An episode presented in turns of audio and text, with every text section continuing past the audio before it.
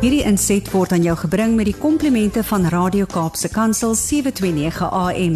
Besoek ons gerus by www.cape pulpit.co.za. Dag sê almal. Dis weer tyd om oor gestremdheid sake saam te gesels. Ek is Erika Retoy. Oor 'n paar dae sal die Christelike gemeenskap Paasfees vier. 'n belangrike datum in die kalender en een wat gekenmerk word deur verskeie kerkdienste gedurende die voorafgaande week en die Paasnaweek self.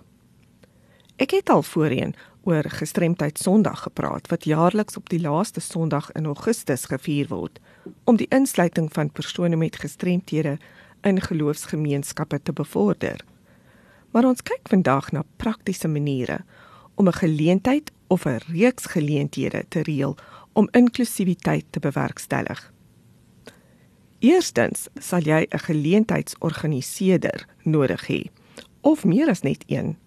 Dit kan iemand in jou gemeente wees wat bekommerd is oor die uitsluiting en min deelname van persone met gestremthede in die kerk en verwante aktiwiteite. Dit kan ook iemand met 'n beperking wees wat reeds deel is van jou gemeente, 'n familielid van iemand met 'n beperking of selfs iemand wat betrokke is by 'n plaaslike gestremdheidsorganisasie. Verskeie bedieningsgroepe in jou gemeente kan ook betrokke wees, soos die kerk se leierskap, jeuggroepe, kinderbediening, Bybelstudiegroepe, vrouegroepe en so aan. Dit is ook nuttig om 'n tema te kies, byvoorbeeld groei in ons kerk deur die insluiting van persone met gestremthede en alle aktiwiteite kan dan rondom die tema gebou word. Nooi persone met gestremthede na jou geleentheid as spesiale gaste. Dit bied die geleentheid aan om mense in jou area te leer ken en dalk om nuwe vriende te maak. Jy kan ook familielede van iemand met 'n gestremdheid, lede en personeel van 'n plaaslike gestremdheidsorganisasie of selfs versorgers en diegene wat persone met gestremthede bystaan, nooi. Vind praktiese maniere waarop jy gestremdheidsinsluiting en deelname in jou gemeente kan bevorder. Hier is 'n paar idees wat interaksie tussen diegene met en sonder 'n beperking sal aanmoedig.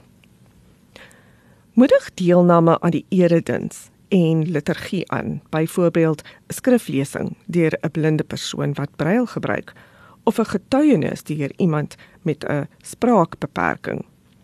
Jy kan ook 'n videogreep wys oor die persoonlike ervarings van persone met gestremthede binne hul eie geloofsgemeenskap of reële ete waar beide persone met en sonder 'n beperking op 'n ontspanne manier met mekaar kan kommunikeer en hul lewenservarings deel.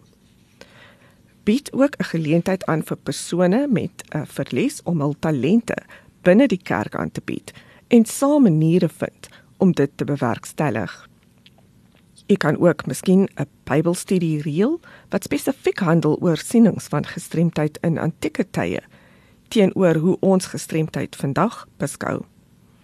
En leer iets nuuts oor gestremdheid deur iemand te nooi om hul ervaring van gestremdheid te deel of 'n gestremdheidskenner te vra om oor gestremdheid in Suid-Afrika en die plaaslike gemeenskap te gesels.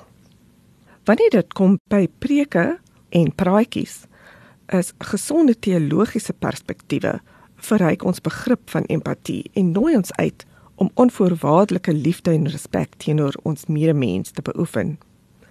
Hierdie geleenthede sal nie net verseker dat persone met gestremthede ten volle aan eredienste of aktiwiteite kan deelneem nie, maar ons ook help om in begrip van God se hart vir persone met gestremthede te groei om meer oor die ervaring van om met 'n verlies saam te leef, te leer, 'n meer deernisvolle houding te hê en gesprekke tussen diegene met en sonder gestremthede te begin. Dit is immers wat van ons as Christene verwag word.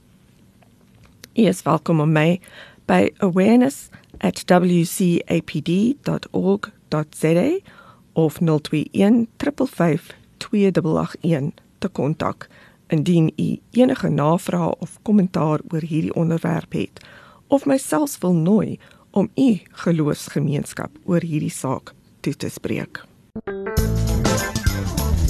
Hierdie inset was aan jou gebring met die komplimente van Radio Kaapse Kansel 729 AM. Besoek ons gerus by www.cape pulpit.co.za.